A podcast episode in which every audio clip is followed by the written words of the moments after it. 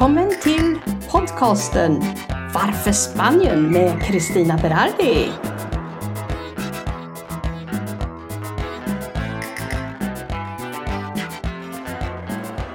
Hej alla kära lyssnare! Nu är vi tillbaka här i Spanien och eh, vi är i slutet av november och då, då vet vi ju att vi får alla de här citrusfrukterna, apelsinerna, mandarinerna, limerna och så vidare. Och vi har varit ute och köpt eh, apelsiner och priset är 60 cent, det vill säga strax över 6 kronor per kilo. Och en sak har jag ju lärt mig här med apelsinerna som jag inte kände till när jag bodde i Sverige. Det är nämligen så att när jag var i Sverige och även här, då går man ju och tar lite grann på frukterna och känner den här känns bra, den här, den här köper jag, jag köper de här apelsinerna. Och i Sverige valde jag de som var mjuka. Här i Spanien, det har jag fått lära mig, nej, det är de hårda som är de färska. När de är mjuka, då är de mindre saftiga och då har de legat ett tag. Så det är bara hårda apelsiner som gäller här. Och de är ju otroligt ljusiga. Så att när man har en apelsin så räcker det nästan till ett helt glas juice på morgonen. Jag brukar blanda i lite citron eller lime ibland i för de är otroligt söta de här apelsinerna. Men goda, jag åh, älskar att dricka det här på morgonen. Ja, eh, apelsinerna och eh, det är nog en hel del andra frukter också som eh, börjar bli klara. Och julen står ju antågande. Vi har ju fortfarande restriktioner kvar här i Spanien. Även om just den här regionen där jag bor i eh, är det inte så många fall. Det är relativt lugnt. Det hoppar väl upp och ner kan jag tänka varje dag. Jag följer inte det här eh, något. Men eh, vi har munskydd fortfarande på oss. Vi får bara resa inom egen region. Och den 9 december då ska det komma ut nya besked från eh, myndigheterna i Comunidad Valenciana huruvida vi fortsätter med alla de här restriktionerna. De brukar ta det här ungefär två veckor eh, i taget och eh, för staten har ju sagt att de här restriktionerna vi har ska räcka ända fram till maj så behöver man inte omförhandla på regeringsnivå hela tiden eh, om det här. Och sen är ju de olika regionerna är ju autonoma och får själva bestämma lokalt. Eh, vi får ju inte resa mellan regionerna. Vi får inte åka till Murcia, det vill säga vi får inte åka till Ikea om vi skulle vilja det och köpa svenska julprodukter. Då får vi förlita oss på de affärer som ligger nära oss och det har vi flera stycken här i området. Så det ska nog inte gå någon brist på varken eh, sill, ansjovis eh, eller vad vi nu vill ha till julen. Men eh, i julen då brukar man ju träffas familjer och vi har ju fortfarande gränsen med sex personer får träffas. Och hur blir det då i jul? Ja, Eh, har man släktingar i andra regioner? Det vet vi inte om vi får träffas. Eh, vi eh, eh, känner inte heller till om man kommer att ändra det här utegångsförbudet som vi har som är från klockan 12 nat på natten till klockan 6 på morgonen. Om man kommer att rucka på det. Eh, kanske till julen spelar det ingen roll för det brukar man ju börja kanske lite på eftermiddagen och, och sitta och äta hela eftermiddagen och, och halva kvällen och så här. Men eh, nyår tänker jag på. Eh, restaurangerna måste ju stänga klockan 12 för att alla gästerna måste ju gå tidigare därifrån för att hinna hem till klockan 12. Och eh, nyår är ju en speciell eh, helg då man, eh, eller kväll ska jag säga, då man ska fira just klockan 12 på natten. Så vi undrar, kommer man att ha restaurangerna öppna till klockan ett kanske så alla kan skåla och eh, eh, hurra in det nya året och hoppas på att coronan och allt det här ska försvinna. Och det brukar ju också vara förknippat med en hel del fyrverkerier. Eller kommer man att säga så här nej, det är nog bättre att eh, vi håller oss hemma i år. Vi får väl se hur det här blir. Hur som haver, på vissa platser här i Spanien så har man sagt nu drar vi ner på, eh, på budgeten inför jul eftersom det kommer att förmodligen vara de här restriktionerna så säger de vi drar ner på julbelysningarna, vi kommer att spara mycket på, på att det går åt mindre el och så vidare. Eh, jag vet inte om andra eh, delar i Spanien resonerar på det sättet. Jag har ingen aning, vi får väl se hur det där blir. Och då, så det kommer ju inte att bli någon jul eh, med såna här eh, parader. De har ju den här kabelgatan där barn är med och, och det blir godisregn och alla såna här saker. Och ni vet i Spanien så får ju inte barnen julklappar på julafton som vi utan det är ju de tre vise männen som kommer med gåvorna och det är ju den 6 januari. Så att det är lite annorlunda här. Och nu kommer ju inte det här att ske. Allt det här ställs in. Men vi har inte detaljerna än. Vi går ju fortfarande med munskydd. Vi har fortfarande avstånd mellan oss. Så, så det måste vi ju följa. Eh, jo, vad tänkte jag mer på? Eh, jag läste en rolig grej här idag.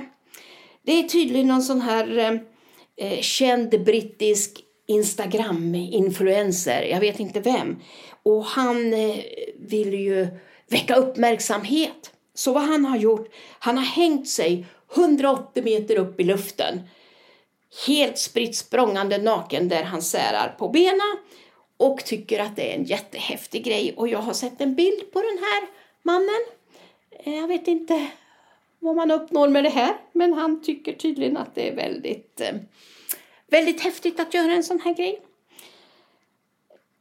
Jag bor ju som jag sagt tidigare i Orihuela Costa men i Torrevieja så har man bestämt att sänka fastighetsskatten från och med nästa år och det blir till den absolut lägsta nivån som är på 0,4 procent. Eh, jag har ingen aning om, om eh, den här eh, orten där jag bor på kommer att följa med på den Eh, vevan. Men vi får väl se. Ja, sen händer det ju såna här konstiga andra nyheter. Jag brukar inte rapportera det, men jag läste en sak här och, och, tyckte det var lite olustigt. Jag är ju inte så förtjust i gas i hemmet, eh, trots att det är många kockar som hävdar att bästa maten får man om man har gasspis. Och nu har det uppdagats att det är en man här som misstänks för att ha orsakat en gasexplosion, alltså medvetet. Och det var faktiskt 14 lägenheter i central, centrala Torrevieja som blev drabbade av det här. Jag tycker det här är olustigt. Tycker det är mycket, mycket olustigt. Jag är livrädd för gas. Här där vi bor, där har vi bara el, som tur är. Så vi slipper nog vara med om sådana eh, explosioner. Men det är lite olustigt. Ja, som jag sa tidigare här så jag kommer att saxa lite olika nyheter så det blir ett litet axplock av saker som jag har läst här sista tiden. Och, eller titta på tv. Och det kan jag säga att det kommer in, det väller in immigranter. Framför allt till Kanarieöarna nu. Från Afrika det, det, jag vet inte om det är Marocko, Tunisien och alla de här länderna, men det kommer in massor. Och varje dag kommer det in så mycket att det kostar myndigheterna på Kanarieöarna 300 000 euro om dagen. För de här emigranterna då, de måste ju ha skydd från kylan. De ska ju ha någonstans att bo. De ska ha mat, vatten, kanske kläder och så vidare. Och man är ju också lite orolig för när de väller in alla de här människorna, vi vet ju inte då om de har eh, coronan, om de är smittade eller inte. Och alla vill naturligtvis ha asyl i Spanien. Och det här är en svår situation. Dels ekonomiskt och sen eh, när vi vet på, eh, med, med, med smittan och allt det här. Eh, jag förstår inte. Hur, hur ska man jobba med sådana här frågor i framtiden inom Europa.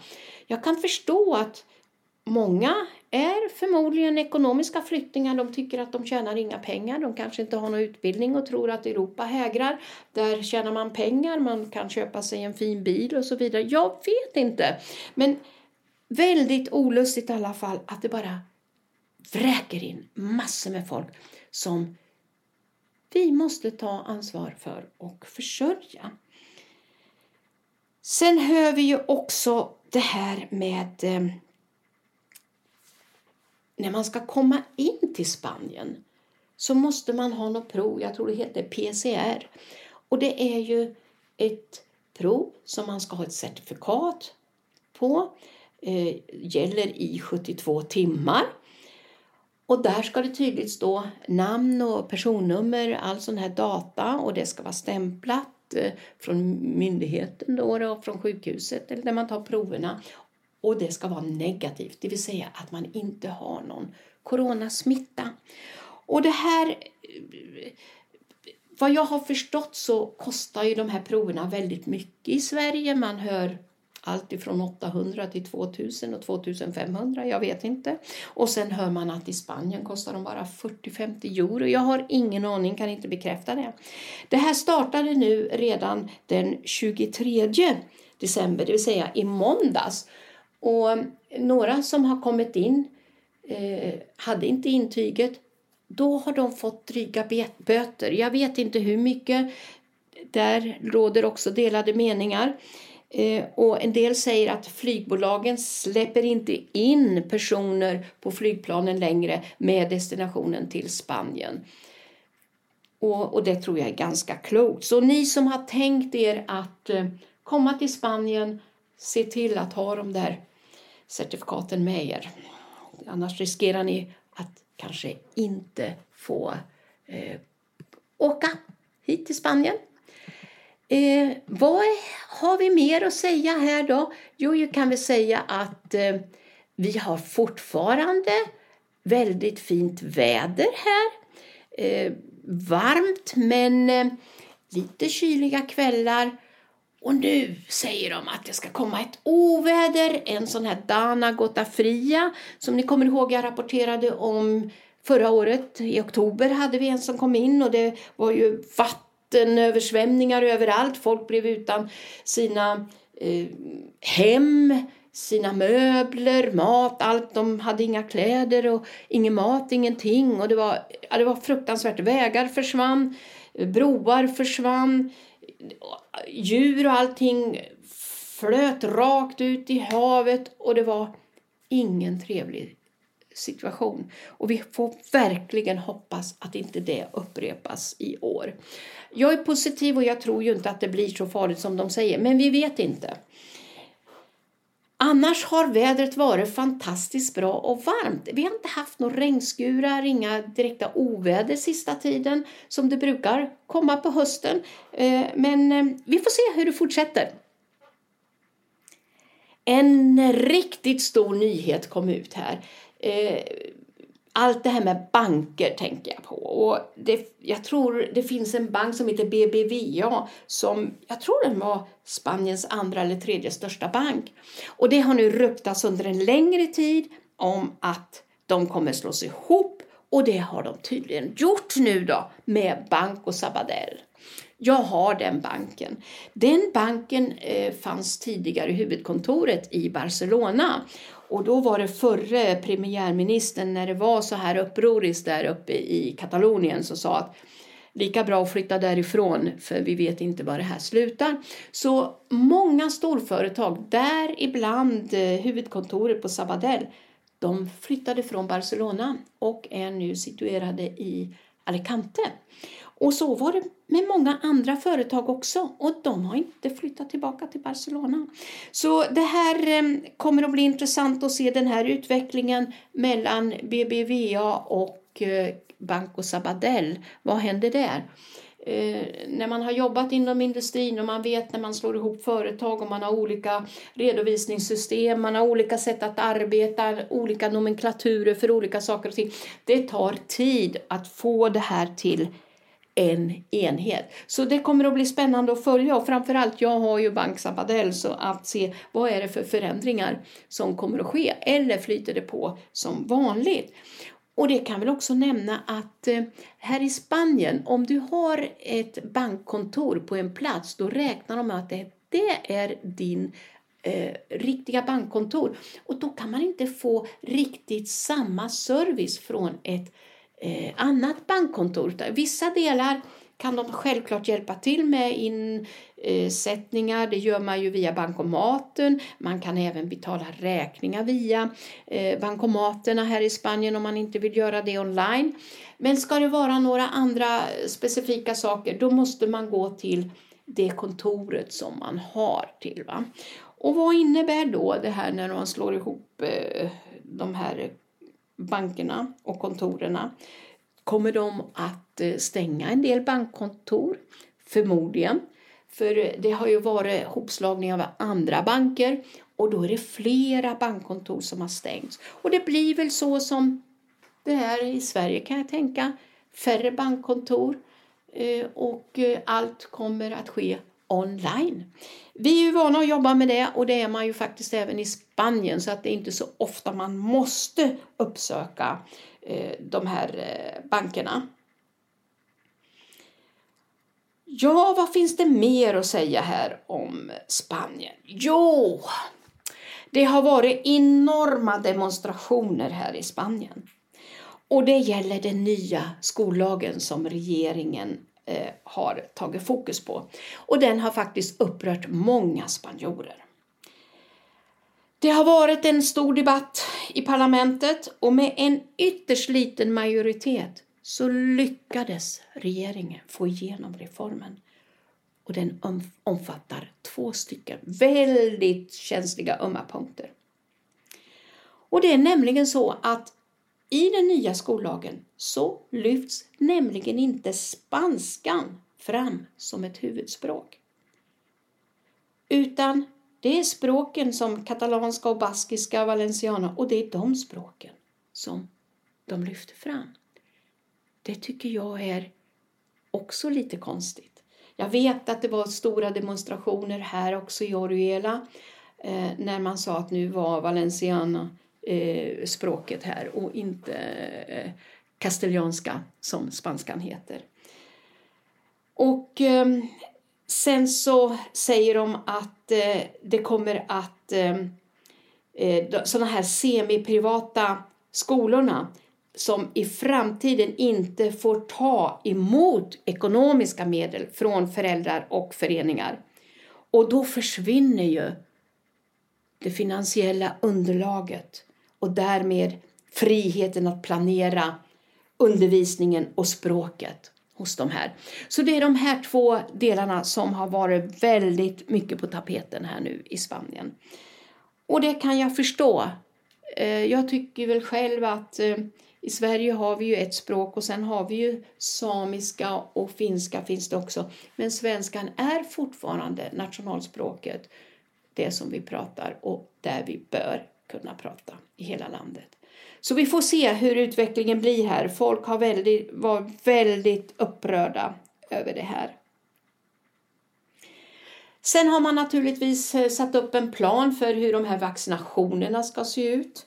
Och eh, det är väl bara att invänta och se när kommer vaccinerna, vis, vilka vacciner. Oj, det såg jag också på tv. Då visar de Pfizer, de visar Moderna och de visade AstraZeneca och de här vaccinerna. De visade 90 procent eh, klarar man med vaccinet med Pfizer och med eh, Moderna men eh, AstraZeneca var 70 procent. Man fick också se vilka temperaturer det måste vara. Och när det gäller Pfizer då måste vaccinen vara i en temperatur hela tiden på minus 70 till minus 40 grader och den kostar Eh, jag tror det var 33 euro. Moderna, det amerikanska bolaget, eh, de eh, klarar väl på, jag tror det var 40, minus 40 grader under transporter och förvaring men det kostar mellan 55 och 80 euro en dos. Eh, AstraZeneca har mellan 7-8 grader, man kan säga eh, lite svalare än kylskåp. Det är man van vid att hantera inom sjukvården har jag förstått. Och eh, där kostar eh, en sån här dos 6 euro. Alla ska ha två doser. Så att eh, det kommer nog att bli lite eh, vaccin från både det ena och det andra och tredje bolaget. För det är eh, ekonomin också som, som eh, får vara lite styrande. Hörni, goda vänner, tack för att ni lyssnar på mig. Vi hörs nästa vecka igen.